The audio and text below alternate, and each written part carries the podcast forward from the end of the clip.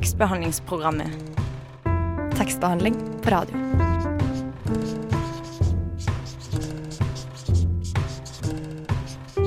Tekstbehandlingsprogrammet.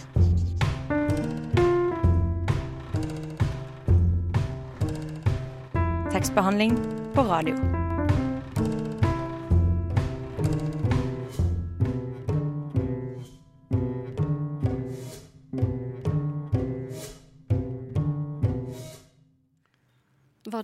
Av de som brukte nynorskordboka som opptenningsved om vinteren? Eller skrev stygge kommentarer på nettet om hvor ubrukelig nynorsk er? Eller kanskje tenker du at nynorsk blir rikere med to sidestilte språk? Og med iver les Olav H. Hauge? Uansett så er du hjertelig velkommen til tekstbehandlingsprogrammet. I løpet av sendinga i dag så skal vi innom tema som nynorsk i skjønnlitteraturen, rolla som forlagssjef, og vi skal òg ha en liten språkquiz før vi til slutt diskuterer framtida til norsk språk. Som vanlig skal vi høre bra musikk, og i dag blir det stor variasjon i musikksjanger. Med meg har jeg kollega Anna Witt. Hei. Og før vi begynner å prate om gjestene våre, så lurer jeg på hva slags forhold har du til nynorsk? Vet du hva, veldig avslappet. Jeg pleier som regel ikke merke at boken jeg leser er nynorsk før jeg kommer langt uti. Men eh, jeg er jo litt sånn ordnerd. Jeg liker eh, rare ord, og de finner man jo ofte i nynorsken. Det skal vi tilbake til senere. Ja. For i dag så har vi to spennende gjester her i studio. Forlagssjef i Samlaget, Håkon Kolman Skog, og forfatter Lars Petter Sveen. Og disse to skal du straks bli litt bedre kjent med. Hei, jeg heter Aune, og du høre på tekstbehandlingsprogrammet. Fordi kunnskap og viten, det er det mest vidunderlige på denne jorden.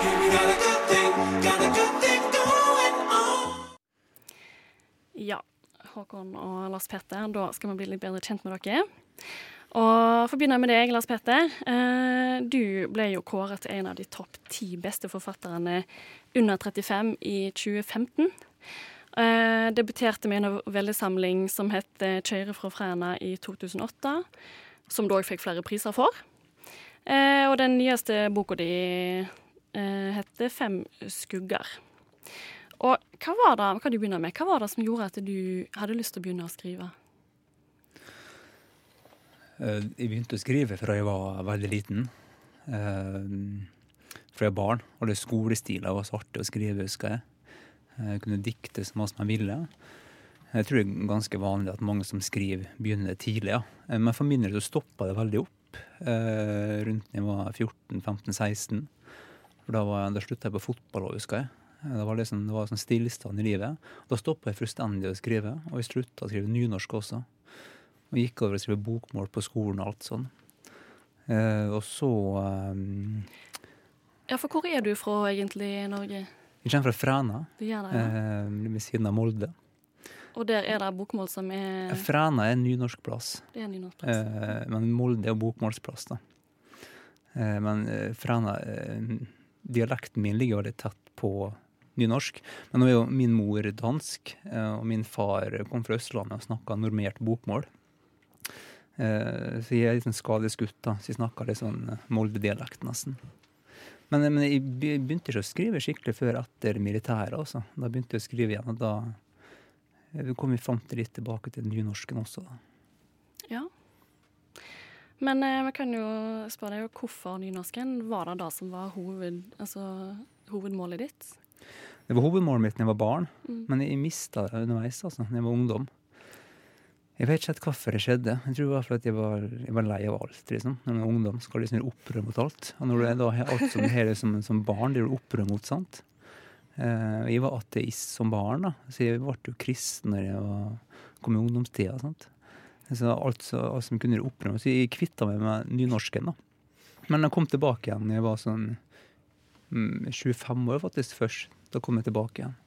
Og Da fant jeg også på en måte språket mitt i skrivinga. Det øyeblikket jeg kom tilbake til nynorsken, så kom jeg også tilbake til å kunne få til å skrive noe som handler om noe annet enn meg sjøl. Og nå bor du i Oslo. Mm. Mm. Har det endra seg, nynorsken for deg, eller språket ditt? Siden jeg kom til Oslo. Ja. Nei, jeg vet ikke om det endrer meg i forhold til Oslo, at jeg bor her, men det, jeg tror det henger litt sammen med hvem jeg er. da. Jeg, jeg føler meg veldig at uh, nynorske henger sammen med der jeg kommer fra. Men jeg føler meg som at jeg bor i Oslo nå. Jeg føler at Oslo er mer hjemmet mitt enn en Fræna. Men jeg, Oslo er en sånn by med der det er plass til alle. da. Jeg tenker nynorsken hører naturlig hjemme her, føler jeg. Men eh, ja, vi kan jo hoppe over til deg da, Håkon. For du eh, har jo vært litt engasjert både politisk og eh, i, faktisk vært leder i Mållaget. Norsk Målungdom. Norsk Målungdom, ja. ungdomsorganisasjonen. I to år. Mm. eh, og hva er da ditt forhold til nynorsk? Jeg vokste opp eh, med bokmål, da. Vokste opp i Tromsø og Trondheim.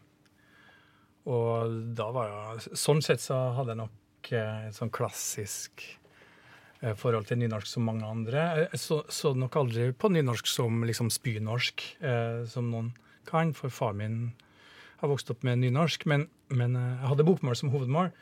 Eh, men så ble jeg veldig politisk engasjert i ungdomstida, og for min del så var det helt konkret knytta til EU-kampen i 1994.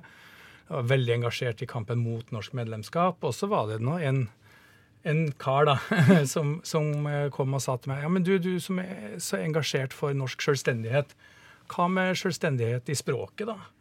Syns du ikke det er poeng at vi skriver et norsk språk, da? Så dogmatisk var det. Og eh, i 94, da var jeg vel 20 år, da. Og da er jo hjernen satt sammen sånn at uh, ja, hvis du får kanskje ett godt argument, så sier jeg ja, men greit, sign me up. Uh, så, så, sånn var det. Så skrev jeg noe under og sa greit, da er det nynorsk, da. Uh, så jeg skifta vel egentlig på flekken. Jeg kunne ikke skrive veldig godt nynorsk, men så lærte jeg det etter hvert. Og så, på den tida, så tror jeg nok jeg tenkte at nynorsk er riktig. Eh, bokmål er dansk-norsk. Sånne kategorier gikk det i. Eh, og jeg syns jo Jon Fosse, eh, den store dikteren, eh, som har vokst opp med nynorsk, han sa jo nei, vet du hva, når jeg blir spurt om å forsvare nynorsk, det tar jeg som en personlig fornærmelse. Nynorsk fins, det er et språk i verden. Jeg syns sånne ting kanskje var litt sånn smålåtent. Jeg syns han burde argumentere. Mens i dag så er nynorsken en helt sentral del av min identitet. Det er hovedmålet mitt, og i dag vil jeg si at det var det jo det var, jo, det var det mest radikale argumentet for nynorsk òg. Det fins som et språk. Så det har jo vært en reise for meg òg. Jeg starta som et veldig politisk eh, valg, og, og, i dag er det en naturlig del av identiteten min. Jeg tror eh, skulle ønske at jeg kunne vært tospråklig, men i praksis så skriver jeg veldig klønete bokmål, sjøl om jeg har redigert ganske mange bøker på bokmål. Mm. Fordi nå er du jo eh, forlagssjef i Samlaget. Ja. Det, var det klart for deg at det var der du skulle ende opp? Eller komme til? Det var det nok ikke. Men i studietida så var jeg så heldig at jeg fikk lov å være sekretær til sekretæren eh, i forlaget, eh, Samlaget. Sjefen der. Og, og, da tenkte jeg allerede den gangen, det er veldig lenge siden, at åh, tenk å få jobbe med bøker, som jeg alltid har elska. Eh, og tenk å få gjøre det eh, i, en, i, et nynorsk forlag som Samlaget. Så helt siden den gangen så har jeg nok alltid tenkt at hvis jeg får lov å ende opp i det norske samlaget, så det er det beste. Og Samlaget skal vi også snakke mer om, men nå er det straks litt musikk. Og da er en låt eh, som heter 'Bussi' av Saba. Sier jeg det rett, Lars Petter? Det er vel en av dine ønskelåter? Busy, tror jeg kanskje. Busy. Ja. Ja. En veldig fin sang, da. ja, Har du lyst til å si litt om den? En, Ja, men, eh, du, den hørte jeg fordi jeg var opptatt av en Chance the Rapper en periode. Og så hørte jeg at han Saba var på en, og sang på en sang med han. Eh, og så var det Jeg kjenner det blir litt sånn emo da, når jeg hører på musikk ofte. Og den nye bølgen med masse, masse hiphop den høres sånn emo-aktig. Så når jeg hørte plata til Saba, så tenkte jeg shit, det her er virkelig fint, altså. ja, og nå skal vi høre den òg. Ja, der hørte vi Saba med 'Busy'. Sa jeg det riktig nå, Lars Petter? Ja. ja. Ja, som du lyttere hører, så har vi da besøk. Jeg og Anna vi har eh, her i studio forlagssjef Håkon Kolmannskog og forfatter Lars Petter Sveen.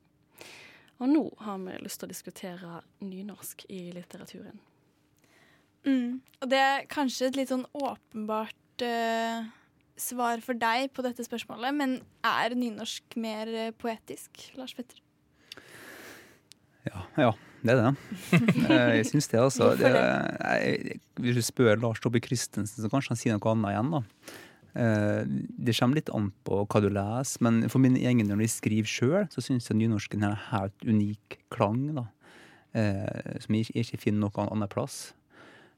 Som gjør at den, det språket det, som, det ligger nært meg, men det ligger også nært altså kunstig språk, skjønnlitterært skrivespråk, da, kjenner jeg. Jeg husker når eh, Cormac McCarthy The Road kom på norsk. Jeg hadde lest den på amerikansk først. Så jeg leste den på bokmål. Det var en veldig fin omsetting. Men jeg husker jeg ble så skuffa, for på bokmål så datt det bare sammen for meg. Jeg tenkte liksom den boka på nynorsk åh, Det har blitt så bra. Så sånne ting kjenner jeg det Ja, det veier tungt for meg, altså. Og selv med Altså, man tenker jo med poesi i hvert fall at det kommer frem, da, den eh, klangen i språket. Mm. Men du skriver jo noveller og romaner og Ja, jeg gjør det. Jeg jeg tenker at uh, den poesien finnes også i roman- og novellesjangeren. Altså, absolutt. Men altså, Jeg sier ikke at bokmål ikke har, klang, det også. Men uh, for meg så ligger det tettere på. da. Jeg husker jeg snakka med Karl Frode Tiller òg. Han sa det samme. At uh, Han skriver jo bokmål ellers, men når han skal skrive skjønnlitterært, så skriver han nynorsk. da. Det er noe med den derre ja, For min del så er det først og fremst Det er ikke bare talemål og det som er sånn som vi snakker til vanlig, men det er også et skri et rent skriftspråk for meg, altså. Ja, for da, Nå sporer jeg kanskje litt av her, men det er jo skjønnlitteratur og poesi. Men eh, jeg er da datter av to lærere som eh, klager på eh, Har klagd på kvaliteten på nynorske bøker i grunnskolen. Og da lurer jeg på, kanskje du vet det, Håkon. Eh, blir de oversatt, eller omsett, hva får jeg heller si i dag? blir de omsett til nynorsk fra bokmål? Det var et godt spørsmål, syns jeg. Jeg tror, det, det vet jeg. Jeg kan ikke si 100 hvordan det er, altså. Eh, Jeg tror det er sånn, du vet, du har lovverket, eh, opplæringslova sier jo det at lærebøker skal finnes på bokmål og nynorsk til samme tid og pris, eh, som er et demokratisk prinsipp. Eh, og det gjør at eh, alle bokmålsforlagene som driver med skolebok, altså gir ut bøker for eh, skoleverket i dag, må gi ut på nynorsk også. Og jeg tror det er riktig at en god del av det da blir oversatt. Eh, Det Norske Samlaget hadde i veldig mange år også eh, skolebokavdeling, og vi ga ut bøker. Eh, For å si det sånn, da. Da ga vi ut på nynorsk og bokmål. Så Samlaget tjente gode penger på å gi ut bokmålsbøker. Eh, Men de var jo skrevet ofte, da, eh, med nynorsk som utgangspunkt. Så jeg tror nok det at mange lærere syns at Samlaget sine bøker For det første så var de veldig gode ofte, men språklig var de, skulle de i hvert fall være plett, plettfri. Og den avdelinga måtte vi rett og slett selv for en del år siden, og vi gir ikke ut lærebøker for eh, skolen lenger. Og det kan godt hende at altså, alle forlag må gi ut på nynorsk, men det kan godt hende at liksom, standarden ikke er like bra andre plasser. Hive deg inn i sånn eh, oversettelse, bokmål, nynorsk-program og skrive ut. Nei, vi får kanskje spore det tilbake igjen. Eh, for det er jo ikke alle som har like godt forhold til nynorsk. Eh, og er det noe å tenke på som forfatter? Har du tatt et ja, Har du tenkt på det når, når du skriver nynorsk, at kanskje du òg utelukker eh, noen? Å ja, det kan, det kan sikkert Håkon eh, si litt om også. Men eh, absolutt, altså. Eh, jeg gjorde på um, det, faktisk, det er en sånn kronisk kronisk spørsmål som jeg alltid stiller meg. Jeg snakker liksom om at nynorsk er mitt skriftspråk, men eh, jeg jeg må innrømme at for hver, hver ene sang jeg skriver, eh, jeg begynner på et nytt verk, det som jeg tror skal bli et nytt verk, så stiller meg spørsmålet skal jeg gå, skal jeg gå over til bokmål. Og Det høres helt forferdelig ut at man sier sånn, men grunnen til at man sier det, er jo fordi den realiteten man ofte møter. da. Jeg har vært på eh, sånne forlagstreff der alle bokhandlerne blir samla til et forlag som kan presentere bøker. Så snakker man med bokhandlere, f.eks., eh, og de sier liksom at eh, på Østlandet mange plasser at hvis boka er på nynorsk, så, så vil vi ikke pushe den i liksom, butikken. Og det er ganske heftig å høre det, sant? at du vet liksom at boka vil ikke bli løfta fram. I særlig at alle gjør det, altså, men noen sier det. Jeg har også hatt forfatterkollegaer som har kommet og sagt det med suksessrike kollegaer som kommer og sier sånn her da Hvorfor skriver de på nynorsk? Du må se på bokmål, da ser du så masse bedre. Så jeg vet ikke det er egentlig realiteten. altså Hvis de som har gått til bokmål, tror ikke så masse, ikke har så masse å si. Men den realiteten at du alltid liksom får høre den type kommentarer, ikke det er liksom det er en sånn ekstra sånn ting som blir, man blir, blir sliten av å høre. Da, som gjør at man blir sånn fylt av tvil hele tida. Men det kan hende at den tvilen er fin å bære med seg også. Tror Håkon, ja, du ville si noe, Håkon? Ja, det var veldig fint det siste du sa der. Jeg tror det siste med motstand, det tror jeg har mye å si. fordi at eh, dem som skriver nynorsk i dag, eh, også, dem har valgt nynorsken gang på gang på gang. Mm. For du vet, det er mange som eh, vokser opp med nynorsk, og så er det stort frafall eh, når det går over fra ungdomsskole til videregående Mm. ofte, ikke sant? Og de fleste sier jo at det var ikke noe veldig bevisst valg, men det bare var sånn. Og det handler bare om kjøttvekta, altså at du ser bokmål overalt. Eh, men dem som da står igjen og har nynorsk til slutt, Mm. Eh, der tror jeg det er sånn at eh, Altså, det er en av grunnene i hvert fall til at det er det er langt flere nynorskforfattere på en måte, i forhold til dem som bruker det, eh, enn i bokmålet. ikke sant? Du har veldig mange skjønnlitterære forfattere som skriver på nynorsk. Og det tror jeg kan ha noe med det der å gjøre, at du, du har kjempa deg fram til språket ditt mange ganger. da. Mm. Så fikk jeg lyst til å si en ting til. Eh, og det er det her med fordommer, holdninger til nynorsk. Eh, det, har nok en, det har nok vært varierende Det spørs hvor du ser historisk. Fordi jeg, jeg tror nok det er riktig å si at fordommene overfor nynorsk har vært mye, mye verre før. Altså for, Hvis vi går 40-50 år tilbake i tid, så var det jo sånn at kom du til Oslo og skulle studere, så, så skifta du til bokmålstalemål, altså. Uh, faren min han snakker jo nesten bokmål. Han kommer ikke så langt fra Lars Petter. Uh, og, og det har faktisk endra seg. Toleransen for dialekt har jo endra seg fundamentalt. Uh, og hvis du ser på faktisk på måte boksalget i Norge, og hvem som får anerkjennelse, også delvis som selv, så eh, altså ta Edvard Hoem, Carl Frode Tiller, mm. eh, Olaug Nilsen, Maria Parr, Lars Petter Sveen altså, De fins overalt, altså. Eh, så jeg tror, og du sa det vel òg, at eh, når det gjelder faktisk salg, så tror jeg ikke det er sånn, faktisk. At, eh, I hvert fall innenfor skjønnlitteratur, voksen skjønnlitteratur. At det er sånn at det spiller så stor rolle om du skriver nynorsk eller bokmål. Men så kommer det jo til bokhandlerne og, og sånt, og, og lesere rundt omkring, og der kan det være mye rart av holdninger. ja. Da vi ga ut Elena Ferrante, som er på en måte en massiv bestselger i Norge og i verden, eh, som skrev den her berømte Napoli-kvartetten, da nådde vi såpass bredt ut med den romanen at da fikk vi ganske mange lesereaksjoner som sa du vet du hva, at jeg har aldri lest en nynorsk bok før, men jeg, jeg skjønte det først jeg var ferdig, at det var den første boka jeg leste.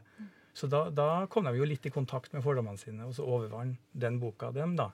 Skjønner du? Håper det kommer flere sånne bøker. Ja, men det gjør det jo hele tida. Det Men eh, nå, ja, nå må jeg dessverre avbryte deg, for nå skal vi høre en av dine låter. Å ja.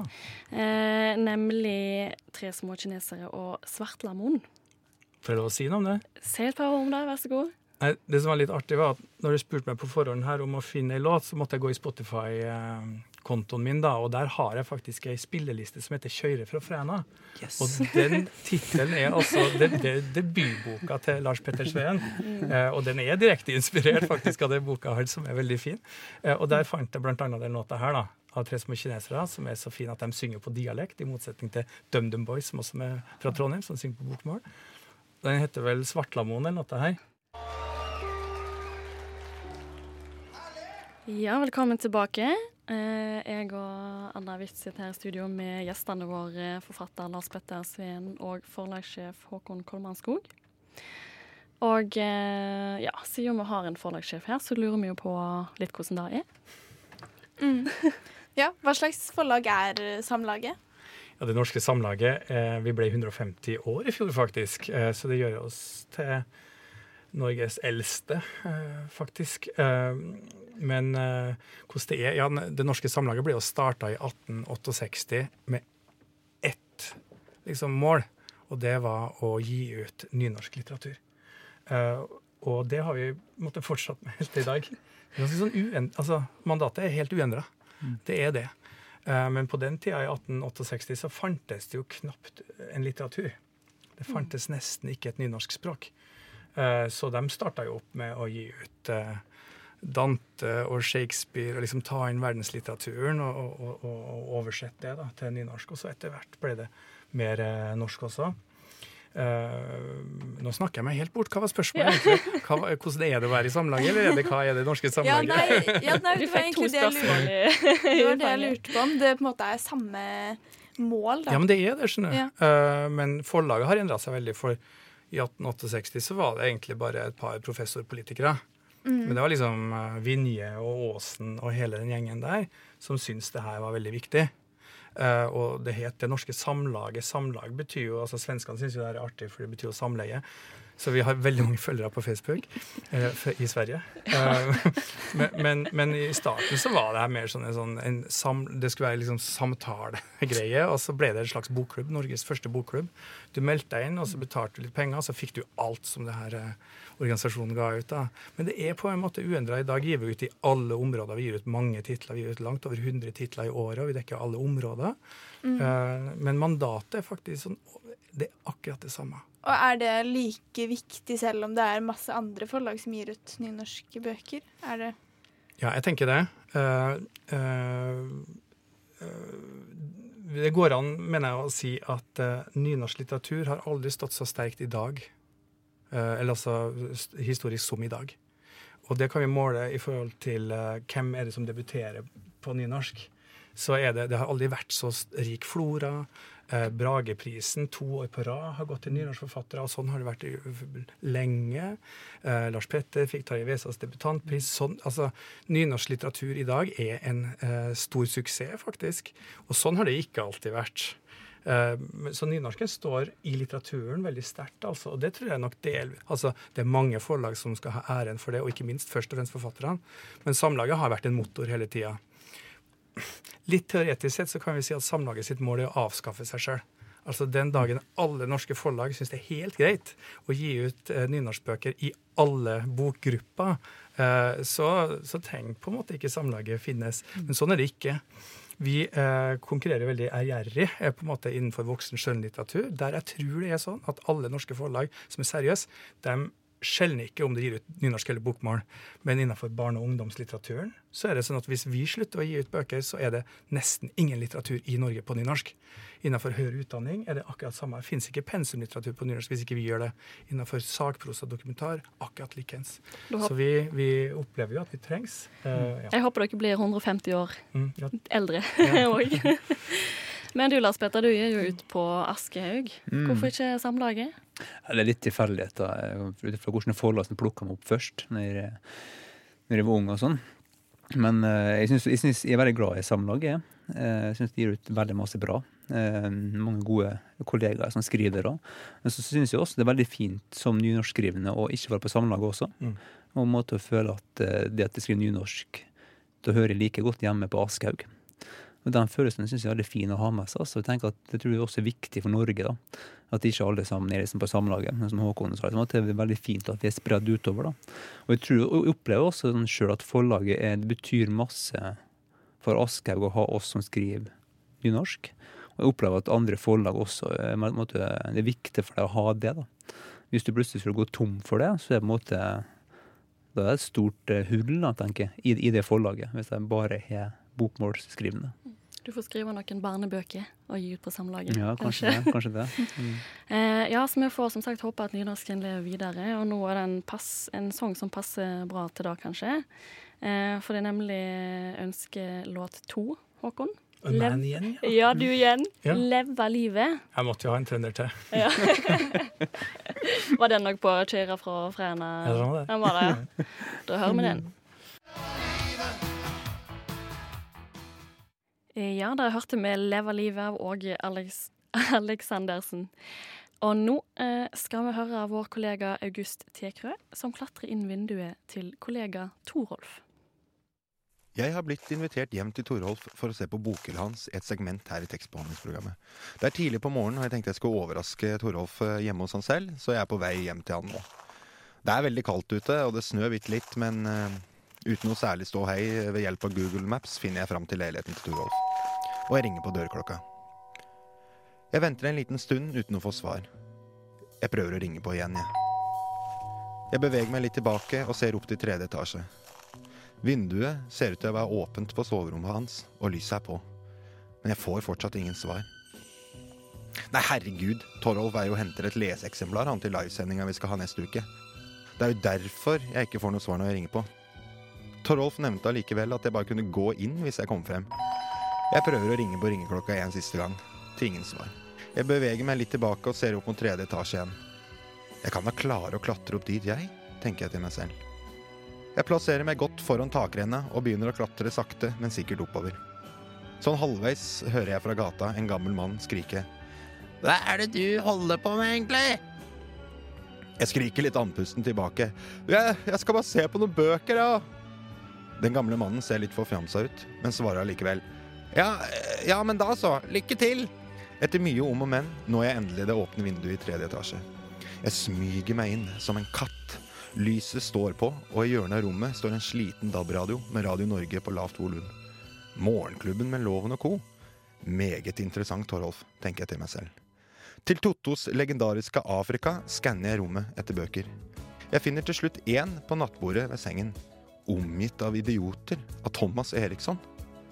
Jeg visste ikke at Torolf hadde en forkjærlighet for pseudovitenskapelige bøker, men man lærer noe nytt eh, hver eneste dag. Jeg lurer egentlig på hvilken farge Torolf er. Det er ikke så farlig. Jeg beveger meg ut av soverommet og inn i stua. Den er ganske innbydende, men det første som slår meg, er at Nei, det kan jo ikke stemme. Er, er alle bøkene plassert med ryggen inn? Er Torolf en trendfølger? Her kommer det stadig ny informasjon. Det er jo umulig å se hvilke bøker han har, så jeg drar ut noen. Jeg finner alle bøkene fra Fifty Shades-trilogien. Torolf har altså en forkjærlighet for amorøs, mannssjåvinistisk husmorsporno. Hva annet er det man kan finne i denne boka her, da? Jeg blar meg gjennom. Jeg finner Knausgårds Min kamp 1, 3 og 6. Eh, men hva er det som ligger her på bordet? Er det Nei, det kan ikke være. Det er andre tider av Sylvi Lysthaug! Torolf er altså en listhaugianer. Det skulle man ikke tro. Kanskje jeg burde hjelpe Torolf der han er. Ja ja, jeg bestemmer meg for å sjekke ut resten av bokhylla. Og hva er det jeg finner? Ketsjup er ålreit og kropp på topp av Kari Jakkesson. Jeg vet ikke hva jeg skal si til det her engang, jeg. Jeg snur meg tilbake til eh, bøkene som har vendt eh, feil vei, og finner 'Fremmede makter har flyttet inn', 'Justismord og politisk drap' av Per Sandberg. Hva er det egentlig Torolf driver med?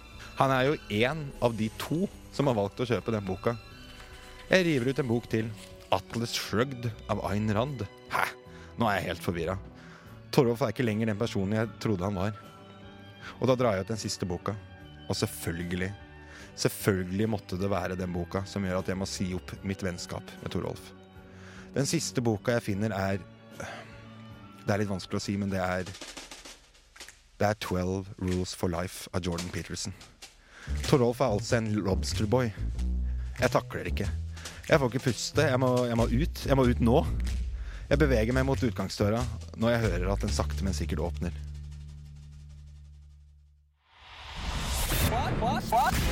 Radionova er best. Alle andre er tapere. Radio Nova.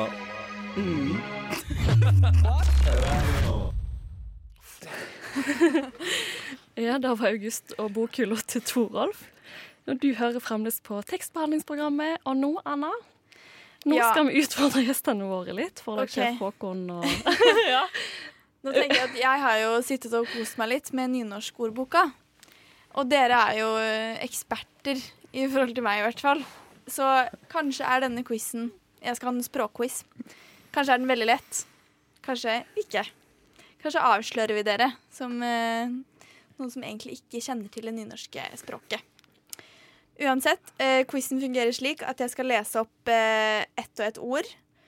Um, og dere skal si betydningen av ordet, eller gjette hva betydningen er. Men eh, i lista har det også gjemt seg ett eller flere ord som eh, bare har kledd seg ut som nynorske. som dere i tillegg skal prøve å avsløre. Grusomt. Så jeg tenkte at jeg bare leser ett og ett ord, og så tar vi det på tur. Dere svarer på hva det betyr. Eller er det, er det ikke et nynorskord?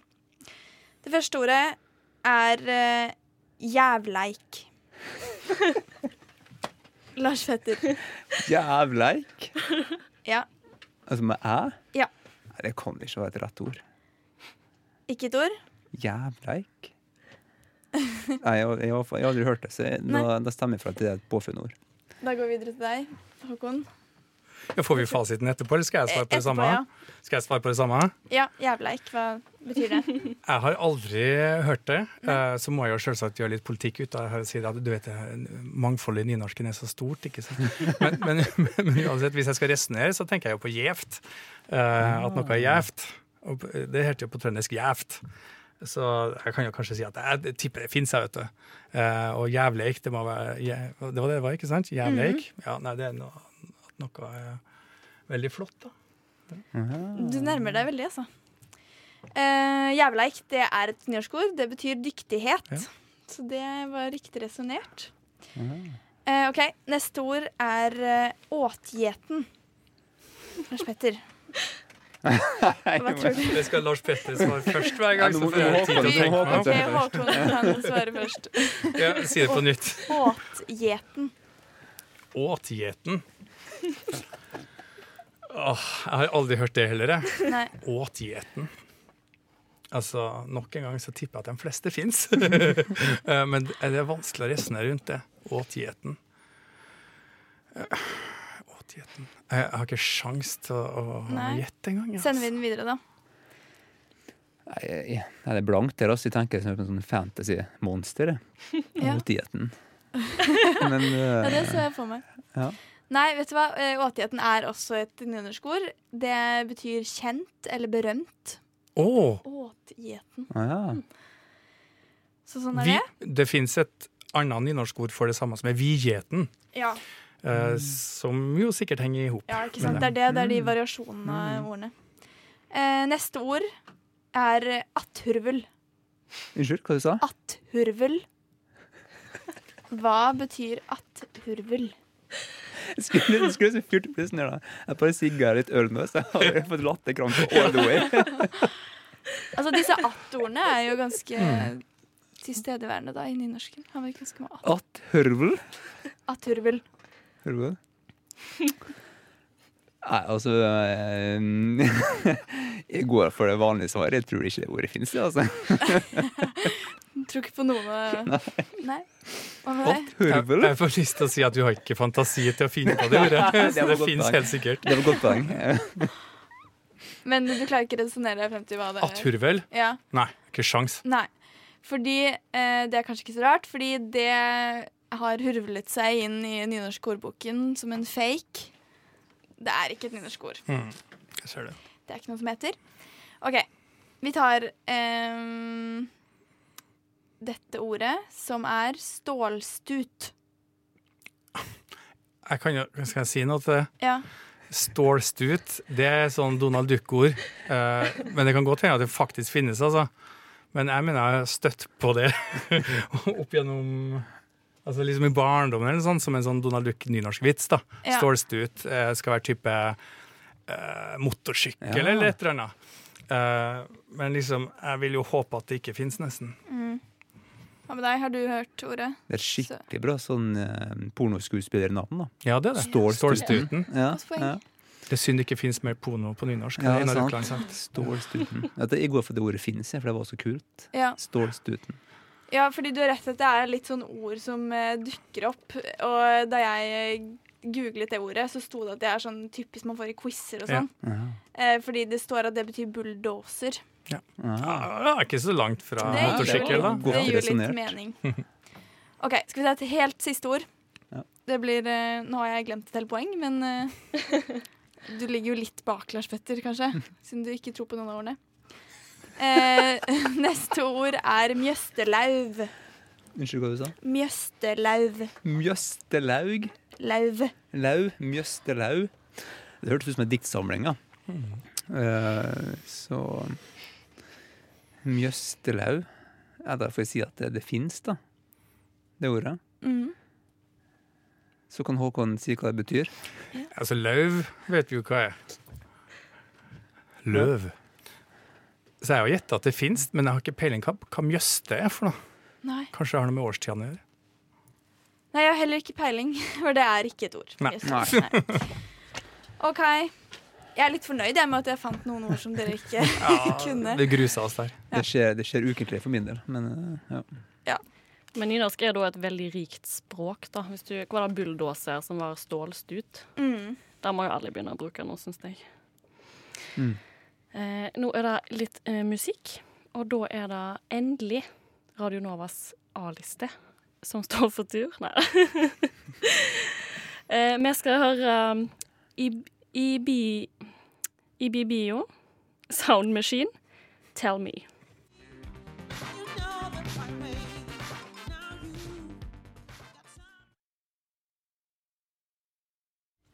Ja, lytter. Du hører fremdeles på tekstbehandlingsprogrammet. Og eh, gjestene i dag det er forlagssjef Håkon Kolmanskog og forfatter Lars Petter Sveen.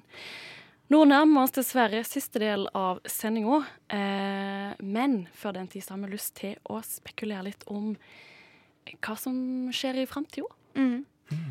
Så vi hadde lyst til å spørre, hvis dere skal se sånn eh, 30 år frem, frem i tid, hva, hva har skjedd med nynorsken i forhold til bokmål? Eller finnes nynorsken? Eller norsk språk, bare, egentlig. Mm. Hvem skal Hvem starte? skal starte? Du begynner. Skal jeg begynne? Altså, jeg, si, jeg, tror, jeg, tror jeg tror nynorsken og norsken eh, står seg ganske bra, tror jeg faktisk. Trass utfordringer. Ja, det tenker jeg òg. At uh, sett på verdensbasis så er norsk språk, både bokmål og ny- da også nynorsk, et av de mer brukte språkene i Mm. verden. Det finnes veldig veldig mange språk i verden, og det er mange som virkelig er utrydningstrua. Uh, men uh, nynorsk er ikke en av dem. Eh, den har tunge institusjoner, levende litteratur, den er brukt i skoleverket. eh, og den, den har så tung tradisjon at eh, nynorskens død den har blitt spådd i 150 år. Og, og det kommer ikke til å skje. Men hva som skjer med norsk språk med sånn, i stort, det kan en jo bare spekulere på. Jeg vil jo bare gjette egentlig at med nye medier og sånn, så er det i hvert fall utrolig mye mer dialektbruk i, Mm. i, liksom, i vanlig i bruk. da. Og jeg kunne for så vidt ha ønska meg at bokmålet spesielt da, gikk i mer radikal retning. Altså Folk skriver jo dialekt på tekstmelding, og så skriver de Mm. stokk arkaisk på bokmål. Det hadde vært flott hvis eh, bokmålet nærma seg litt mer talespråk. Men eh, jeg leste en artikkel i Julo som, fra, på NRK.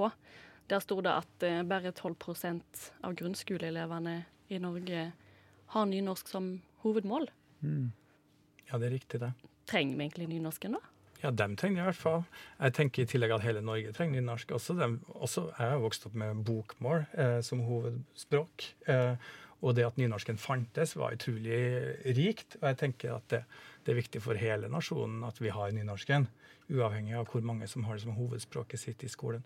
Eh, men 12% i skolen, det er mange, det skjønner jeg. Jeg tenker også at den der, eh, man tenker litt på at nynorsk det, det handler bare om språk, men det handler også om kunnskap. da, Å lære seg noe, Å strekke seg etter noe som man, altså, at det er viten. da. Jeg blir sånn oppgitt når det alltid blir snakk om at man kan velge det bort og slippe å ha det. Det er ingen som snakker sånn om matematikk eller andre ting. Så jeg som at det, er en styrke for barn og ungdom da, å ha forskjellige måter å skrive språket sitt på. Og nynorsk er på en måte Jeg tror det vil hjelpe mange eh, i skolevesenet hvis de kan skrive nynorsk og jobbe med det. Ja. Ehm, men eh, på eh, Samlaget kan, Er det lov å spørre om det er noe vi kan glede oss til i eh, året som kommer, eller hva er trendene? Nei, trender og trender, du. Nei, dem har ikke jeg lyst til å si noe om. Men, men altså, vi, vi, vi eh, Det er så mye, vet du, at hvis jeg trekker fram noe, i hvert fall en norsk forfatter, så blir det jo feil, vet du. Men det jeg har lyst til å si noe om, hvis jeg får spørsmålet, yeah. er at vi gir ut en oversatt tittel eh, i midten av februar nå, skrevet av en tyrkisk forfatter som heter Ahmed Altan. Han er svær tyrkisk forfatter med et stort forfatterskap, og han er også avisredaktør. Og han sitter nå fengsla på livstid i Tyrkia fordi han har gitt et, eh, et underbevisst budskap til kuppmakerne om å utføre kupp i et talkshow dagen før kuppet i Tyrkia. Altså Han har sagt noe sånt som at Arne Erdogan kan kanskje ikke sitte for evig.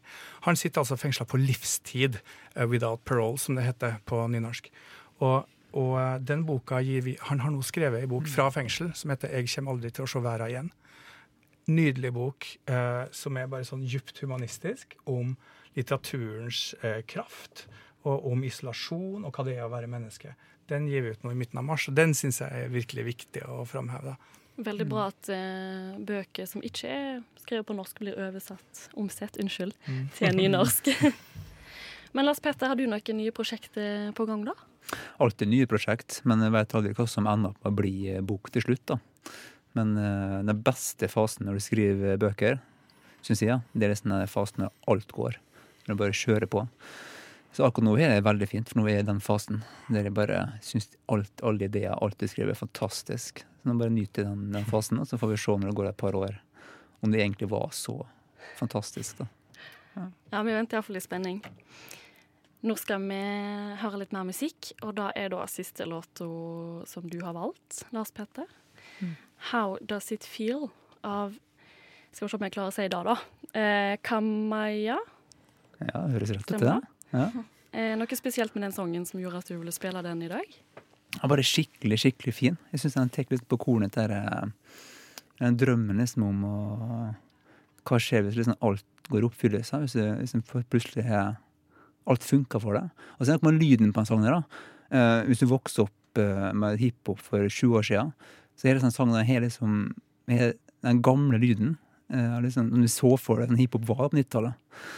Eh, Men liksom, med den med den nye lyden hiphop, da. Så jeg syns den er, det er en måte både nostalgisk og ny samtidig. Og så er det fantastisk stemme som synger.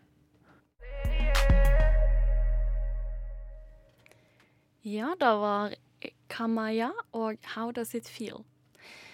Kjære lytter, i dag så har vi blitt litt bedre kjent med forfatter Lars Petter Sveen og forlagssjef Håkon Kolman Skog. Vi har prata om nynorsk, litteratur, Samlaget, og til og med prøvd å forestille oss hvordan eh, norsk kan være om 30 år. Men vi er tilbake neste onsdag med nye folk i studio. Eh, men før den tid kan du finne oss på din eh, valgfrie podkast-app. Og det går også an å følge oss på Instagram og Facebook hvis man vil det. Ja, vi takker for oss. I studio i dag Sofie Marones. Anna Hvitt. Og eh, tekniker Joakim Foss Johansen. Tekstbehandlingsprogrammet.